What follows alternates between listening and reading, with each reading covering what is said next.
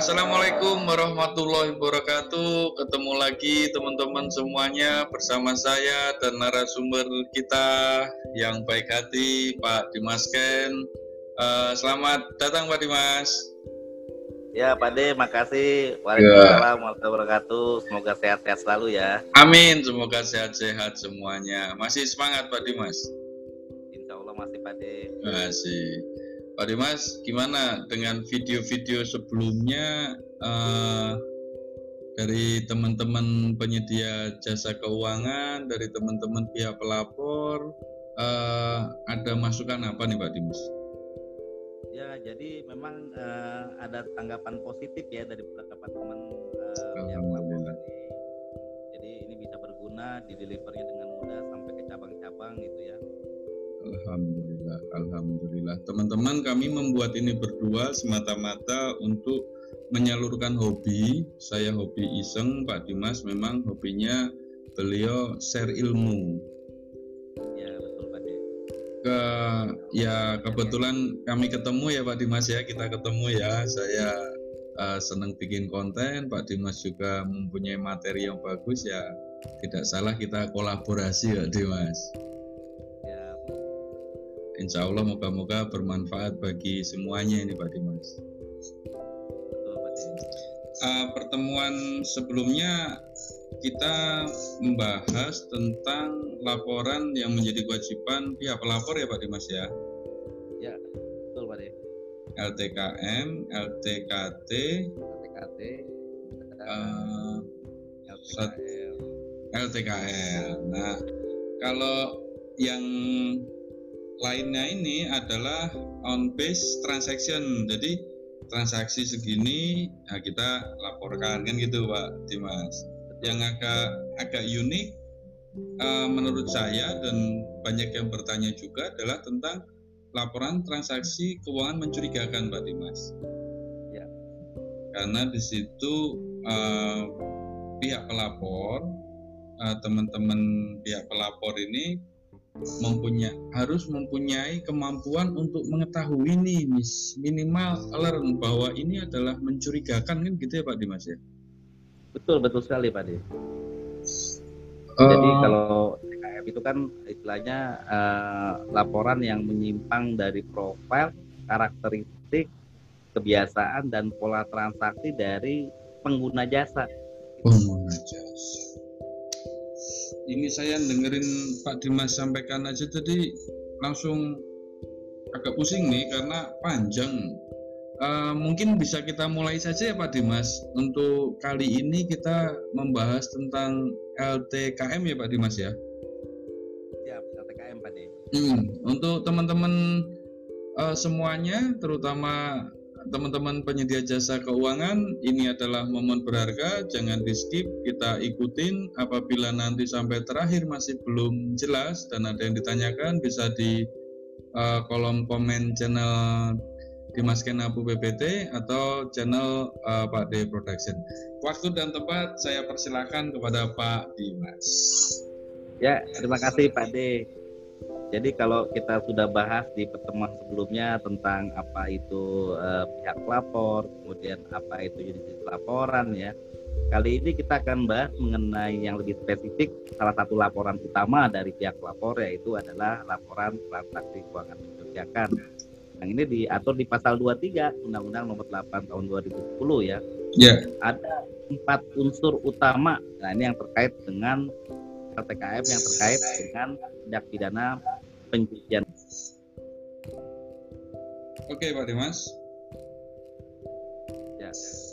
Kalau bicara uh, eh, LTKT LTKM sendiri ya, LTKM sendiri itu ada delapan sebab uh, ya. Jadi nasabah ini yang bertransaksi di penyedia jasa keuangan bisa dilaporkan sebagai LTKM. Mm -hmm. Itu apa saja? Ada yang disebabkan karena adanya indikasi tindak pidana pencucian uang. Nah, ini diatur di pasal 23 Undang-Undang Nomor 8 Tahun 2010. Oke. Okay. Ada transaksi keuangan yang menyimpang dari profil, karakteristik, atau kebiasaan pola transaksi nasabah. Nah, ini perlu contoh nih Pak Denny? Oh, tentu dong.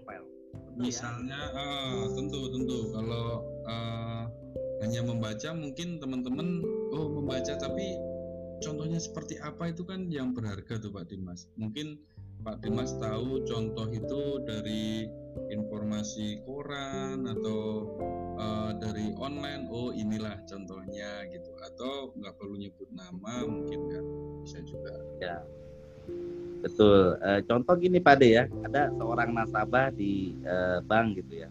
Mm -hmm. Kalau kita mau buka rekening kan pasti kan ngisi namanya form KYC ya. Ya. Yeah. Know your customer. Kita know your customer. Data nasabah. mm, kerja di mana sebagai pegawai ya atau sebagai pengusaha penghasilannya berapa per bulan gitu ya estimasi transaksi ya Nah itu yang akan membentuk profil karakteristik dan kebiasaan. Hmm. Contoh misalnya kalau dia profilnya pegawai, yeah. kalau pegawai itu pola transfernya biasanya kebaca Pak De. Kalau saya bilangnya single kredit multi debit Pak De.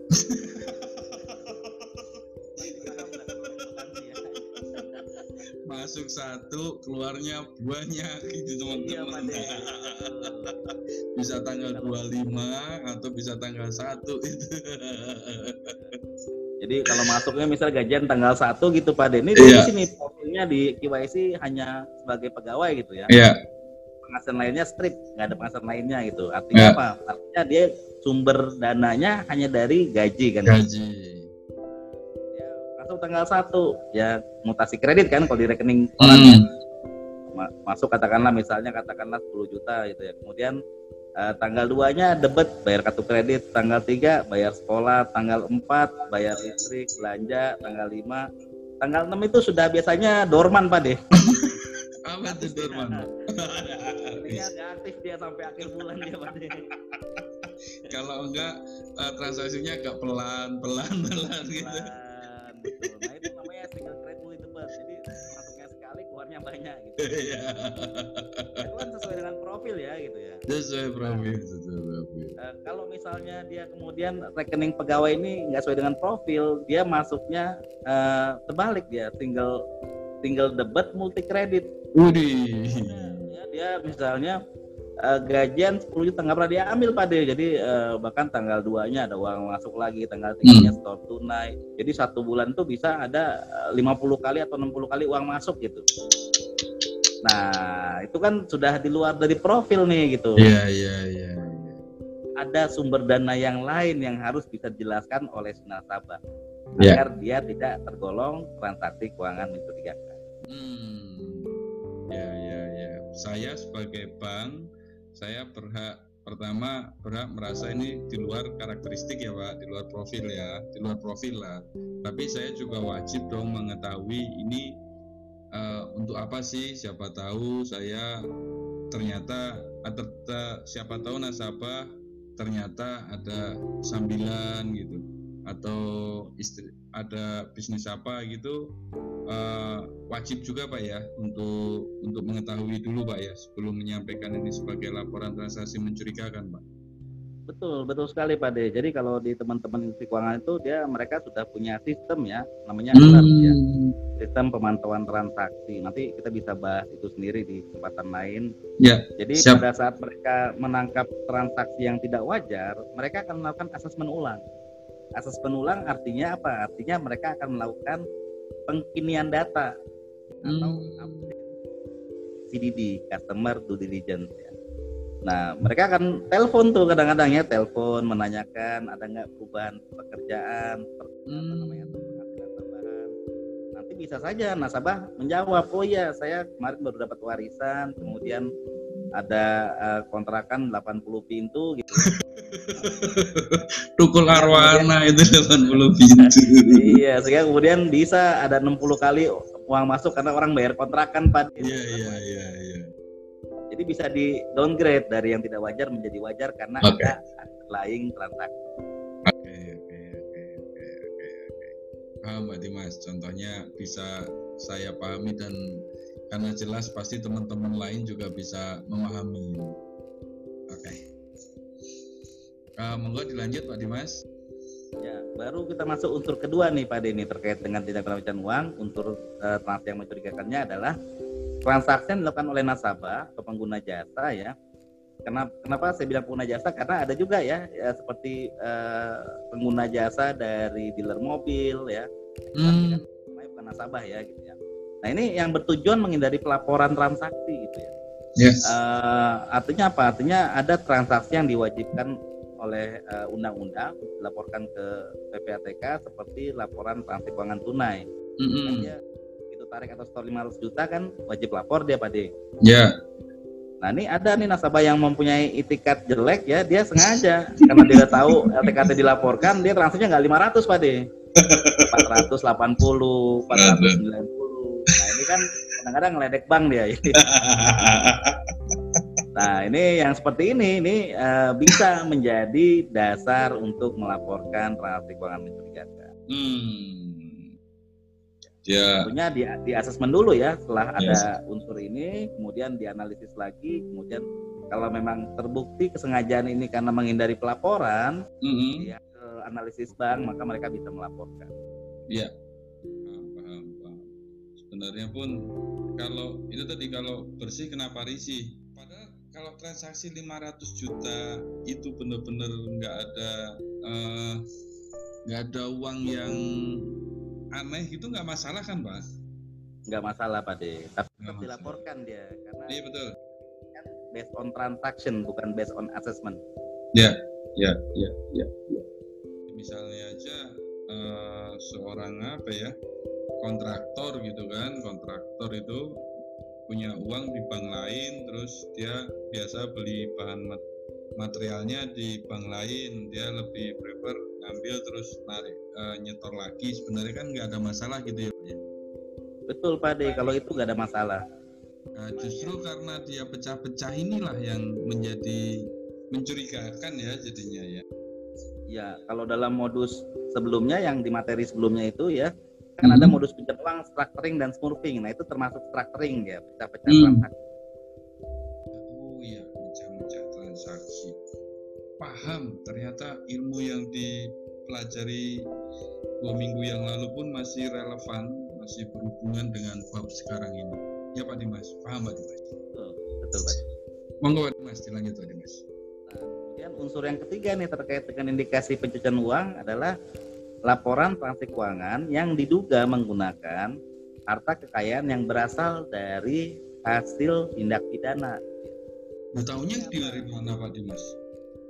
Betul. Ya, dari mana kita tahu nasabah ini kok uh, pelaku kriminal gitu ya? Nah, misalnya kan sulit ya gitu ya. Iya. Jangan-jangan nanti muka seperti saya masuk bank. Bapaknya nakal ini masih pidana gitu nanti. Biasanya uh, ada beberapa sebab yang biasanya kalau di bank itu dinamakan sebagai uh, parameter eksternal ya, parameter eksternal. Jadi uh, biasanya melihat kepada berita dari media massa ada kasus besar terkait dengan narkotika, terkait dengan korupsi. Nah, hmm. Kemudian petugas bank ini melakukan screening ya. Ada nggak sih nama si pelaku ini punya rekening, oh. punya CIF? CIF itu kode layanan nasabah ya di di bank bank kita hmm. gitu ya. Hmm. Kemudian dia ada ternyata nasabah ini udah 10 tahun menjadi nasabah di di sini gitu ya Nah, maka otomatis karena mereka tahu dari berita bahwa orang itu adalah pelaku tindak pidana, walaupun menjadi walaupun masih tersangka gitu ya, maka mereka mm -hmm. uh, sebaiknya itu melaporkan yeah. sebagai perangan mencurigakan. Bisa juga sebab lain Pak De seperti misalnya uh, ada perminta apa ada namanya uh, permintaan blokir dari teman-teman penyidik karena sudah jadi tersangka. Nah, itu bisa dasar juga untuk melaporkan dengan unsur ini. Untuk teman-teman di penyedia jasa keuangan apabila ini menemukan kasus seperti ini nih perlu di kita garis bawah ya Pak Dimas.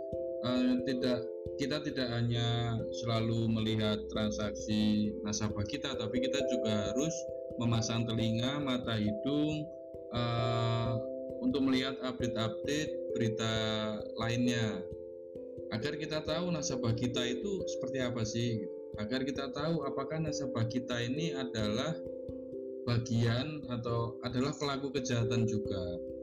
Apabila teman-teman tahu, teman-teman membaca berita, mengecek, uh, cross check dengan nasabah kita dan ternyata nasabah kita adalah uh, juga pelaku kejahatan itu sudah seharusnya dilapor, dilaporkan sebagai laporan transaksi keuangan mencurigakan. Gitu ya Pak Dimas? Ya betul betul sekali Pak Dimas.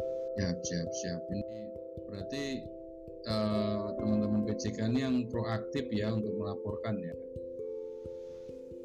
Ya. Oke oke Pak Dimas kalau saya jelasin salah dibilang salah jangan ya ya Dimas. Sudah sudah benar sekali itu oh, sudah benar ya GR loh jadinya.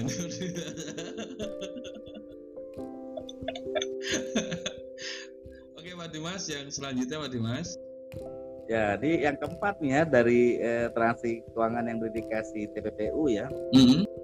yang mencurigakan ini bisa juga karena by request jadi itu mm. TKM yang by request requestnya siapa tentunya requestnya PPATK sebagai lembaga intelijen keuangan itu ya menerima apa meminta gitu ya meminta uh, dalam rangka proses analis atau pemeriksaan. Nah kalau di surat itu disebut uh, untuk dilaporkan sebagai TKM maka tiga hari kerja sejak diterima di, oleh pejabat berwenang maka itu harus segera masuk laporannya. Segera. Bisa terhitung denda juga. Itu denda juga. Ini ini kita menerima permintaan dari PPATK saya misalnya punya Kuva, punya kelompok usaha valuta asing, saya punya money changer, atau saya punya bisnis pengiriman uang, tiba-tiba dapat surat nih dari PPATK, tolong atas nama ini, eh, nah tempat tanggal lahir dilaporkan sebagai LTKM itu maksimal tiga hari saya harus segera melaporkan kepada PPATK ya Pak ya? Betul. Padahal ini enak, nggak perlu menganalisa, nggak kayak yang ABC itu kan butuh effort itu dan kemampuan lebih. Mantap sekali Pak Dimas penjelasannya. Terus yang dua lagi TKM eh, pemutusan hubungan usaha Pak Dimas. Ya, jadi ada juga TKM lain ya yang di, ada diatur di uh, undang-undang dan di POJK bahwa uh, kalau misalnya ada indikasi ya, ada indikasi misalnya uh, nasabah menolak untuk di KYC Pak De. Jadi hmm. Nya nggak mau ngasih, diminta akte pendiriannya untuk nasabah korporasi nggak mau ngasih gitu ya. Hmm. Yaitu uh, wajib uh, bagi bank untuk menolak ya, menolak rekening bahkan bisa juga melaporkan sebagai transaksi keuangan mencurigakan. Itu yang pertama. Menolak. Yang kedua, mm -hmm.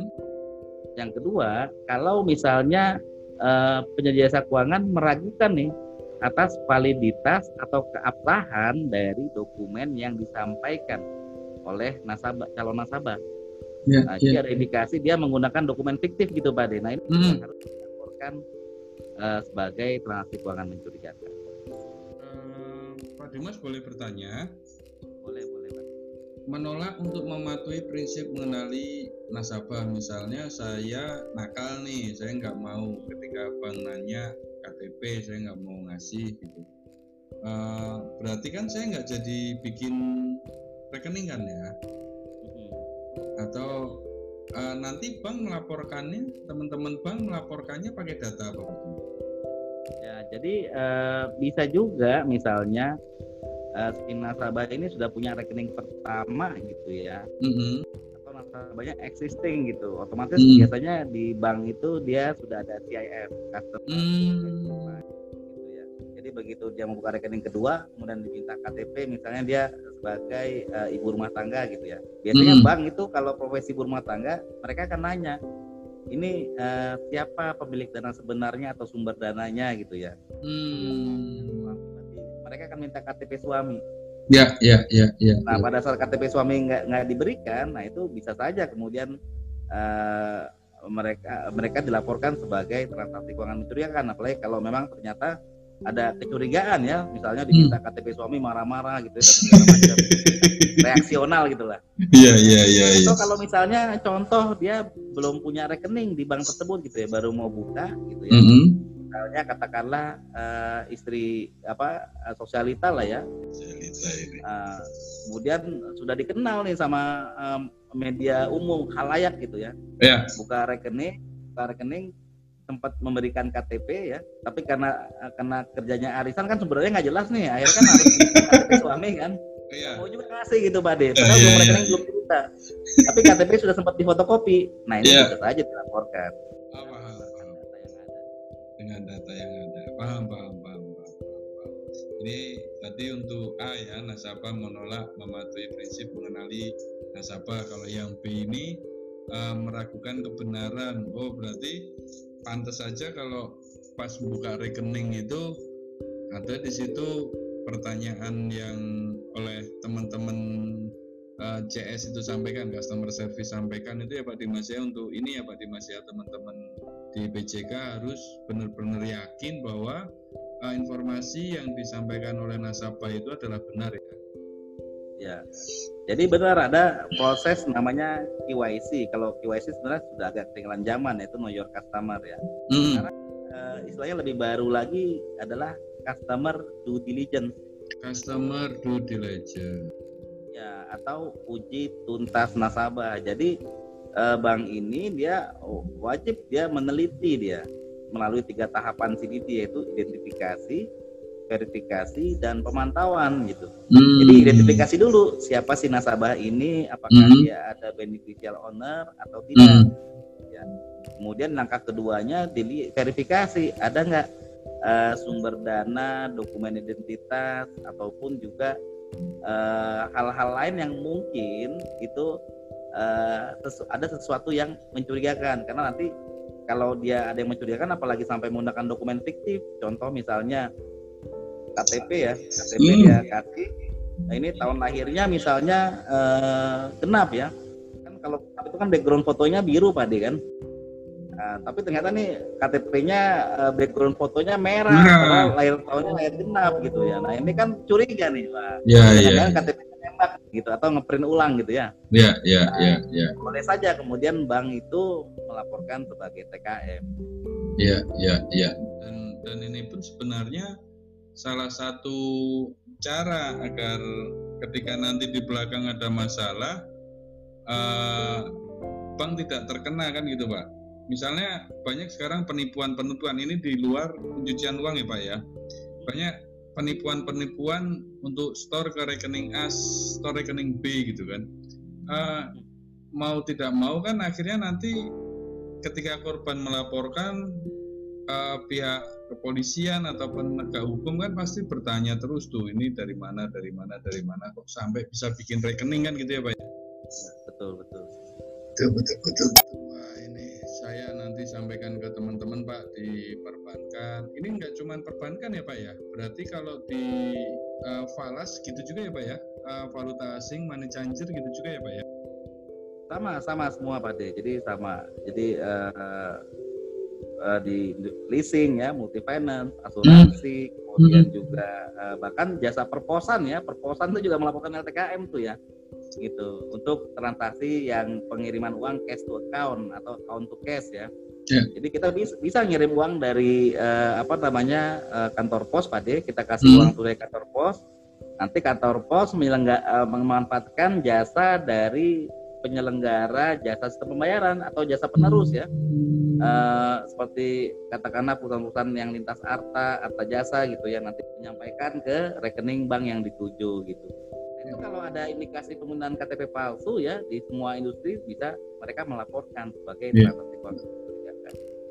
Oke teman-teman yang selama ini eh, bekerja di sektor penyedia jasa keuangan seperti yang kita ulas di episode sebelumnya atau teman-teman yang ingin dan akan bekerja di sektor penyedia jasa keuangan eh, seperti yang di video sebelumnya agar lebih berhati-hati tidak hanya uang yang diterima dan disetorkan namun juga ini perlu diantisipasi juga Eh, Pak Dimas luar biasa nih penjelasannya cukup eh, sangat berharga untuk kami yang eh, pihak pelapor ini Pak Dimas Eh, monggo dilanjut Pak Dimas Nah ini ada dua yang terakhir nih ya sudah enam Hmm. tadi.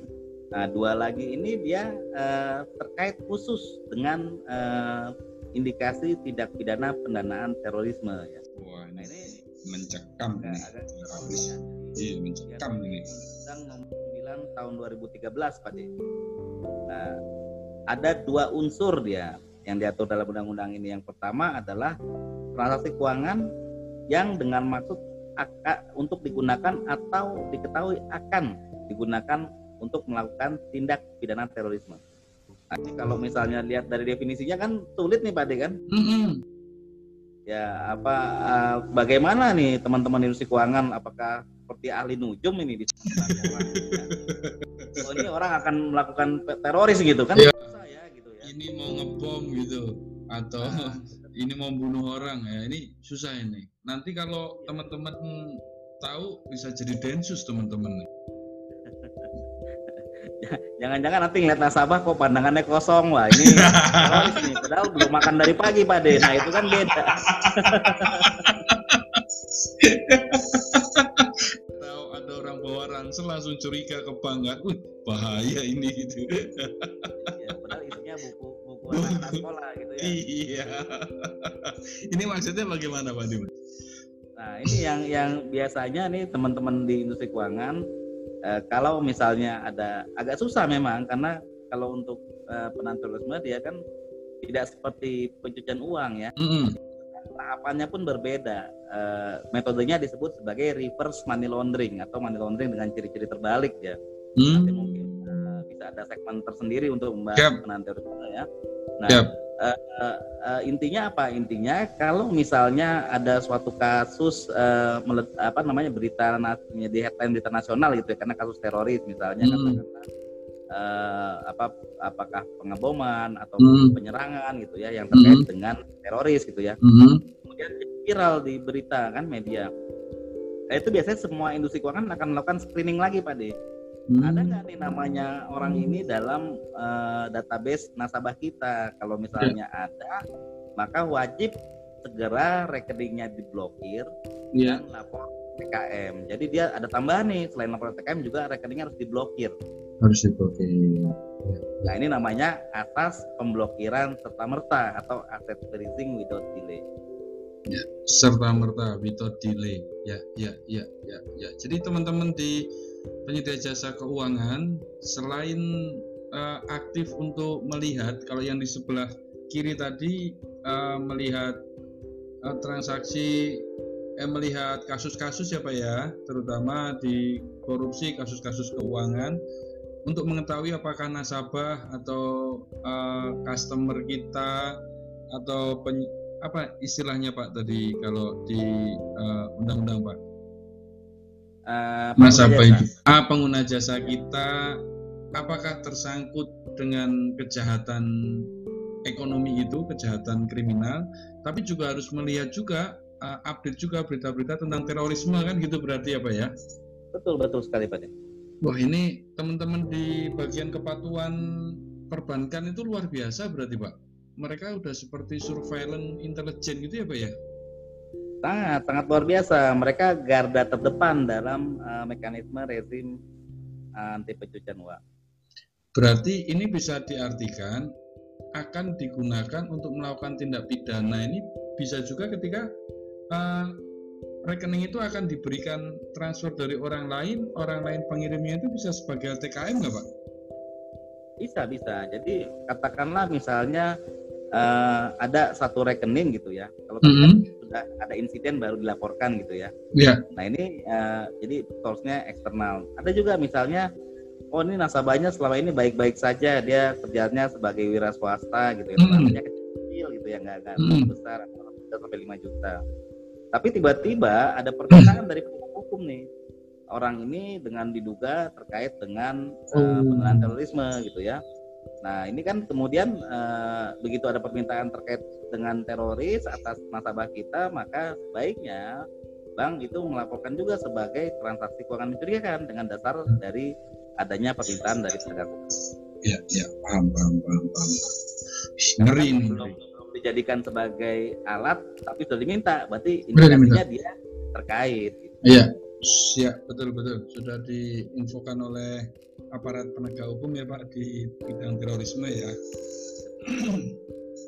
Oke, yang A cukup jelas Pak dan dimengerti Pak oleh saya dan teman-teman lainnya.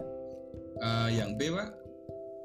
Nah kalau yang B ini dia uh, uh, kalau di perbankan itu ada namanya uh, false uh, positif false positif dan negatif false ya. Jadi artinya apa? Artinya ada kewajiban nih uh, bahwa uh, setiap industri keuangan wajib melakukan screening secara berkala periodikal terhadap uh, daftar terduga teroris dan organisasi teroris atau hmm. DTTOT ya Pak.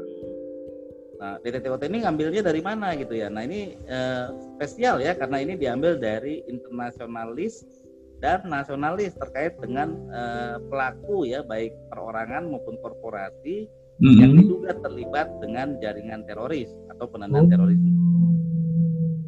Itu daftar resmi ya berarti ya Pak ya? Resmi Pak D yang mengeluarkan itu dari Kapolri yang kemudian dikirim ke Pengadilan Negeri Jakarta Pusat kemudian mm -hmm. Pengadilan Negeri Jakarta Pusat mengesahkan mm -hmm. baru uh, daftar itu nanti akan di deliver ke regulator dalam hal ini ada OJK ada PPATK oh, nanti disebarluaskan ke seluruh industri keuangan ya okay. BI juga Oke okay, oke okay, oke okay, oke.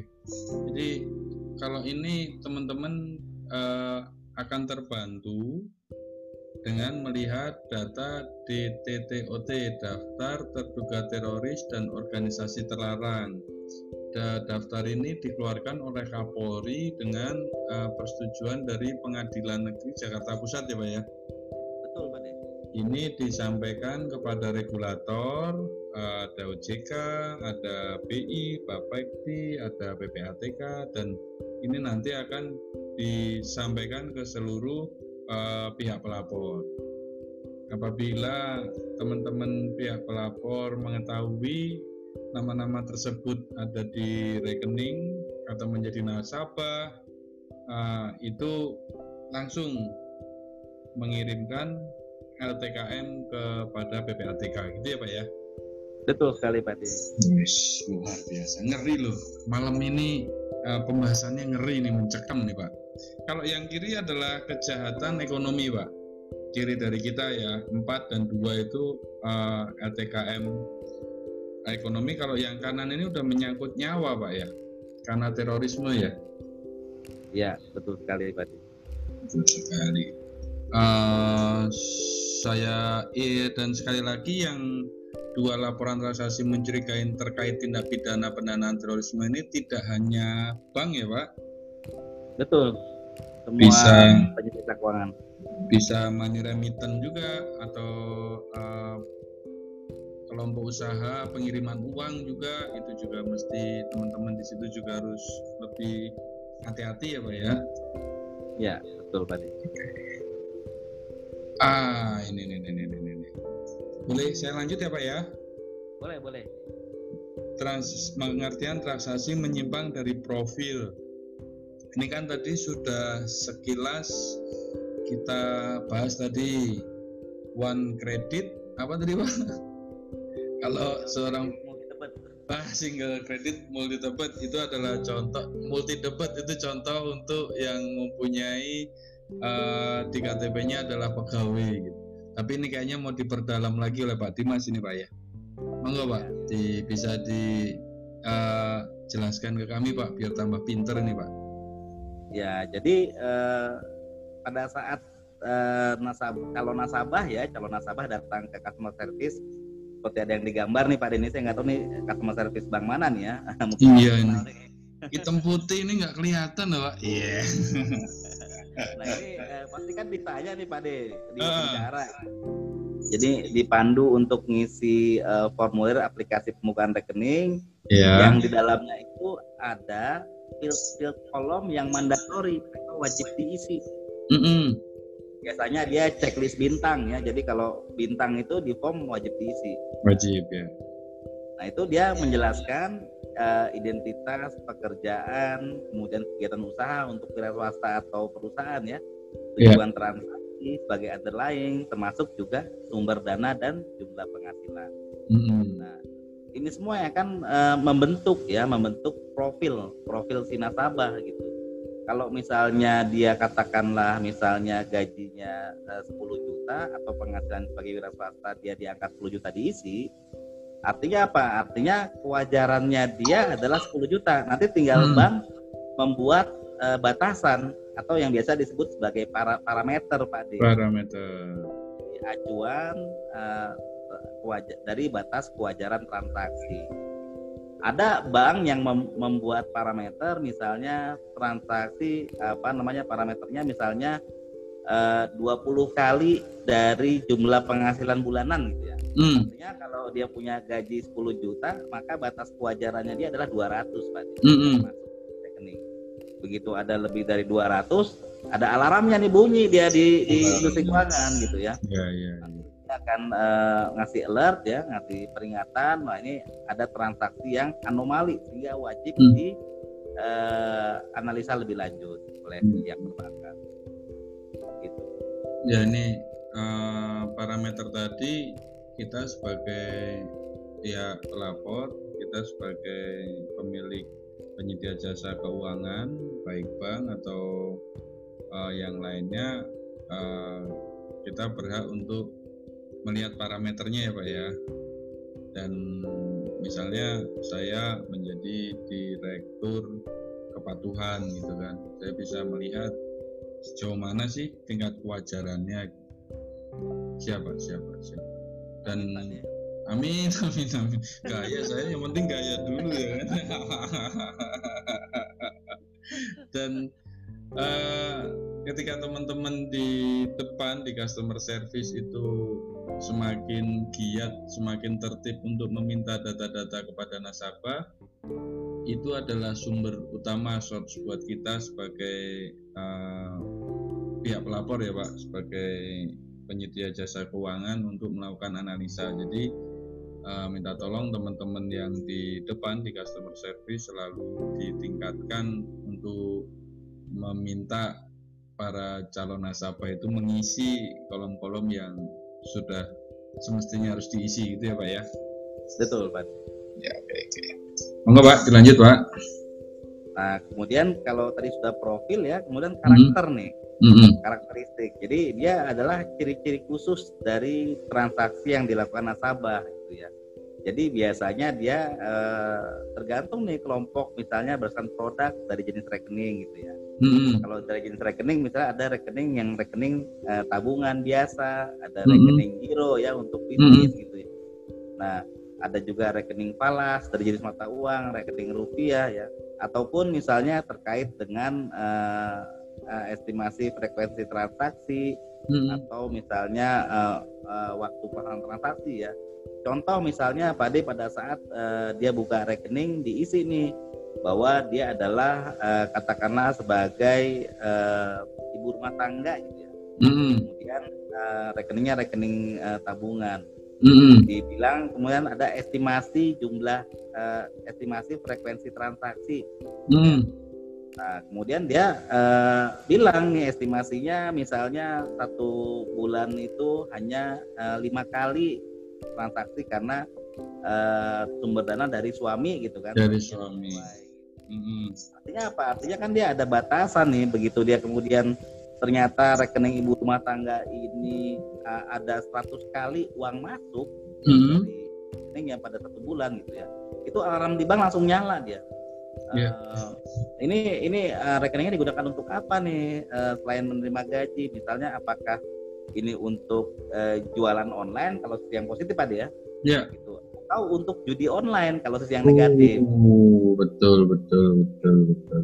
Nanti uh, nanti yang bertugas klarifikasi siapa? Biasanya kalau di bank ini dia uh, alert itu masuk ke bagian sistem pemantauan, kemudian yeah. nanti dikirimkan ke uh, customer service, nanti customer service hmm. melakukan pengkinian data ya. Hmm benar nggak nih ibu rumah tangga ini uh, misalnya dia bilang oh ternyata saya jualan online kemudian uh, jualannya produk kosmetik dan lakunya sangat tinggi sehingga kemudian transaksinya banyak sampai 100 kali yeah. atau bisa juga menjelaskan gitu ya nah dalam tahap tidak, tidak bisa menjelaskan ini yang kemudian bisa dilaporkan sebagai transaksi yang mencurigakan mencurigakan Oke, oke, oke, oke. Sangat sangat bisa dipahami, Pak. Sangat bisa dipahami. Bisa dipahami. Ini kembali lagi kepada teman-teman yang melakukan di karena paling besar adalah bisnis di perbankan. Ini untuk teman-teman di kepatuhan perbankan untuk jangan lupa selalu memperhatikan ini ya Pak ya. Uh, kembali lagi intinya adalah waktu meminta data awal itu sebagai pembanding atas transaksi-transaksi yang terjadi setelah itu. Ya, betul Pak De. Hmm. Oke, oke, oke. Nah, ini yang terakhir Pak, kebiasaan pola transaksi Pak. Nah, ini kalau kebiasaan pola transaksi, nah ini bisa dia misalnya menunjuk ke ciri-ciri ya pola transaksi yang uh, itu berindikasi modus pencucian uang. Katakanlah hmm. misalnya pola transaksi pas buy. Nah, kalau pas buy ini lewat pada ya gitu, lewat jadi. jadi kalau misalnya bankir-bankir nih ya, misalnya hmm. punya nasabah transaksinya besar nih pada miliar hmm. miliar gitu ya uang masuk gitu dan uh, rutin gitu frekuensi tinggi gitu ya. Tapi saldo rata-rata yang mengendap bulanan itu kecil. Hmm saldonya misalnya saldo bulanannya dia hanya sejuta gitu ya mm-hmm. tapi kemudian akumulasi transaksinya bulanan mencapai misalnya 5 miliar 10 miliar gitu ya mm-hmm. ini artinya uh, di rekening itu uang itu hanya keluar masuk nah tinggal dilihat kalau keluar masuknya dalam waktu berdekatan katakanlah dalam hari yang sama atau bahkan bisa di jam yang sama atau uh, dengan beda satu atau dua hari ya gitu. Nah itu namanya pas buy dia. Jadi pas. rekening ini hanya digunakan sebagai sarana untuk numpang lewat. Numpang lewat. Ya. Ini untuk waktu berdekatan hmm. jumlah hampir sama. Jumlah berdekatan uh, jumlah hampir sama. Uh, ini kalau ini teman-teman di PJK di perbankan juga mesti analisanya mendalam nih Pak Dimas. Bisa jadi masuk langsung keluar masuk lagi keluar itu pas buy karena untuk sebagai sarana sarana menyampaikan aja kan uh, orang mengirim terus ditarik lagi. Tapi ada juga seperti saya pak pas buy pak tanggal satu masuk tanggal dua udah dapat ya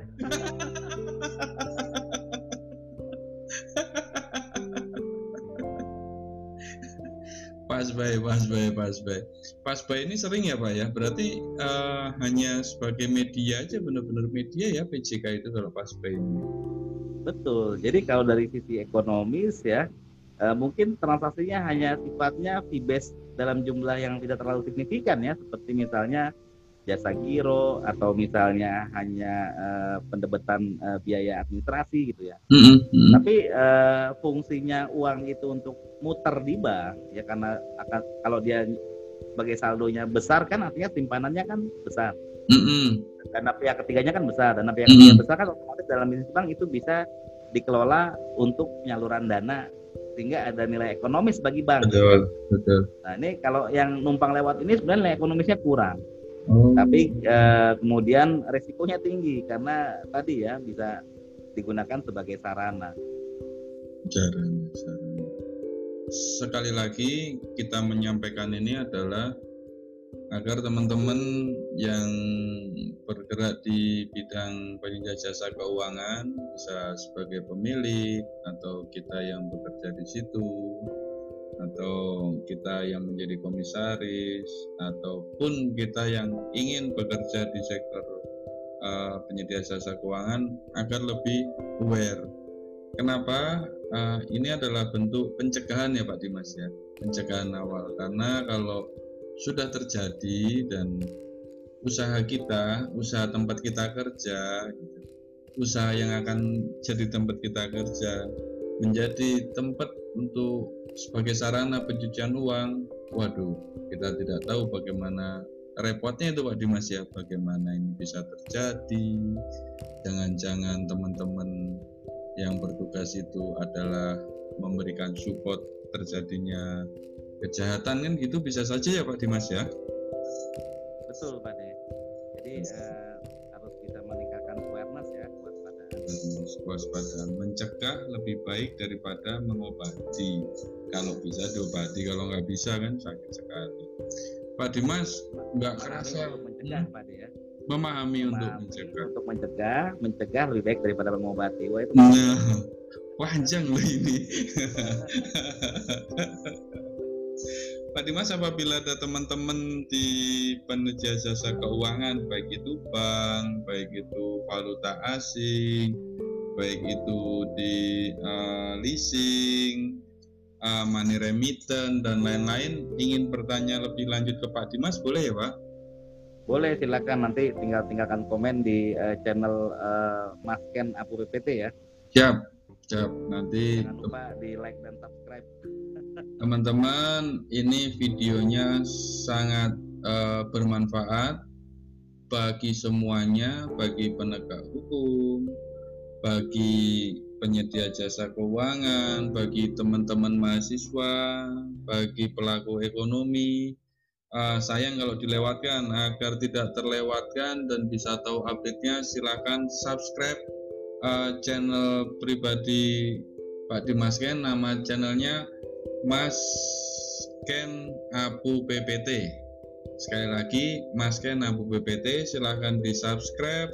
Video ini tolong di like. Uh, jangan lupa loncengnya dinyalakan agar kalau Pak Dimas mengupload terbaru teman-teman akan uh, bisa mendapat lonceng tuh tinggung tinggung uh, Pak Dimas ada lagi yang mau disampaikan terkait uh, transaksi mencurigakan Uh, sementara itu Pak De ya, jadi uh, memang uh, buat closing statement saya ya, jadi uh, buat teman-teman semua, terutama di industri keuangan ya, itu harus bisa lebih meningkatkan awareness untuk uh, masyarakat umum ya kita harus bisa uh, paham agar terhindar ya dari uh, pencucian uang dan pendanaan teroris. Oke. Okay. Uh, Pak Dimas, terima kasih banyak Pak Dimas. Saya tingkat keilmuan saya bertambah sekitar 12% lah mengikuti diskusi ini tadi ini sangat berharga sekali.